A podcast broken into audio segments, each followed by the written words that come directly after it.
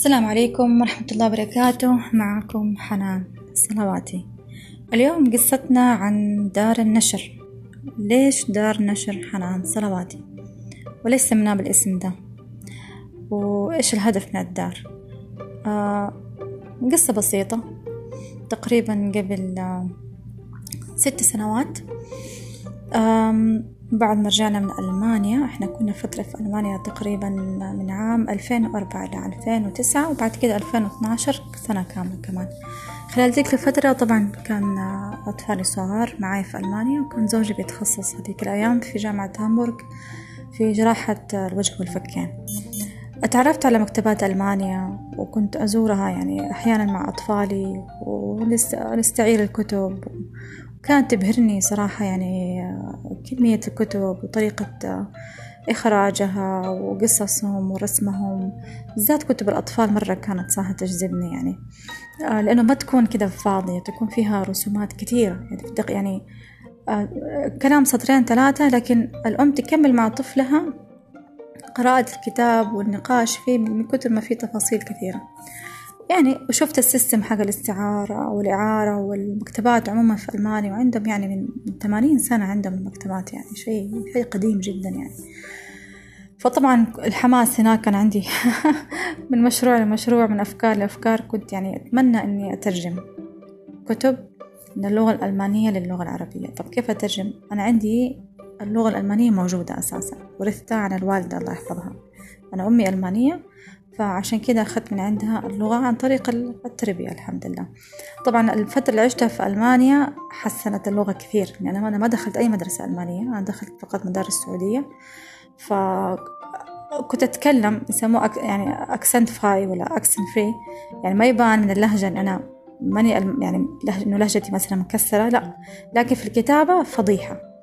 فالسنوات اللي عشتها في ألمانيا تحسنت شوية لغتي. عشان مضطرين نعبي استمارات وفواتير وبنوك وبريد وشغل مرة كتير كان فتعلمنا يعني. المهم رجعت السعودية وفضيت شوية فصرت أكلم يعني مكتبات كلها مكتبة جرير وخطبت العبيكان وخطبت هامة. يعني قلت لهم أبغى أترجم كتب يعني كيف الطريقة؟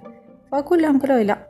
يعني إحنا عندنا برامجنا وعندنا مترجمينا وعندنا عناويننا فما نأخذ شيء خارج يعني من عندنا يعني.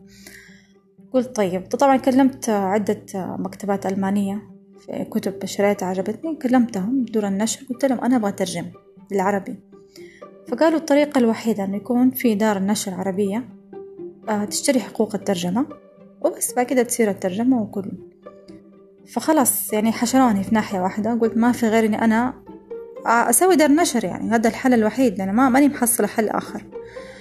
فكده نشأت الفكرة. كان طبعا ذاك الوقت دحين ما عندي التاريخ بالضبط. أجيب لكم التاريخ إن شاء الله. بس هو تقريبا قبل قبل ست سنوات يعني. توجهت لوزارة الإعلام وشفت أخذت طريقة التسجيل. طبعا كان شوي الوضع يعني مهيب. يعني ما كان في ولا شغل إلكتروني ذاك الوقت. كله أوراق. كنت أنا كحرمة أدخل وزارة الإعلام. كان شعور غريب شوية صراحة. ما في أحد ما في حريم يعني أصلا كان إلا يمكن في قسم معين وكان حتى صعب الوصول. المهم فأخذ الموضوع ستة شهور حتى طلعت الموافقة. الحمد لله وطلعت الأوراق وطلع سجل سجل أو الترخيص الإعلامي بعدين الحمد لله سوينا ترخيص إعلامي بعدين سجل دار النشر. طبعا أول أربع سنوات عشان كنا لسه ما بين جدة والمدينة والم... يعني سبحان الله ما لحقت إني أنتج أي شيء. لكن الحمد لله على 2012 2018 آه الحمد لله أول كتاب أصدرناه. وهذا سبحان الله يعني ما كان ضمن الخطة اللي إحنا كنا كنت أبغى أسويها أنا كنت بأطفال لسه. أنا حتى الآن ما دخلت الخطة ولا بدأت أنفذ فيها. هذا كان سبحان الله أول كتاب وأنا معتزة فيه جدا اللي هو كتاب محمد صلى الله عليه وسلم رواية خلدها التاريخ. طبعا إحنا عندنا الاسم هذا واللي هو الترجمة الحرفية. مختلفة. اللي هو القصة الشيقة لحياة خاتم الأنبياء. هذا هو الترجمة الحرفية.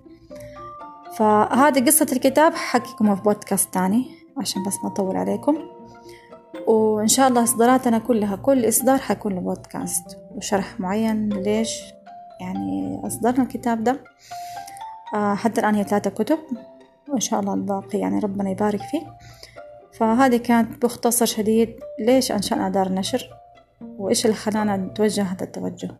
شكرا جزيلا لكم على حسن الاستماع وإلى بودكاست آخر. والسلام عليكم.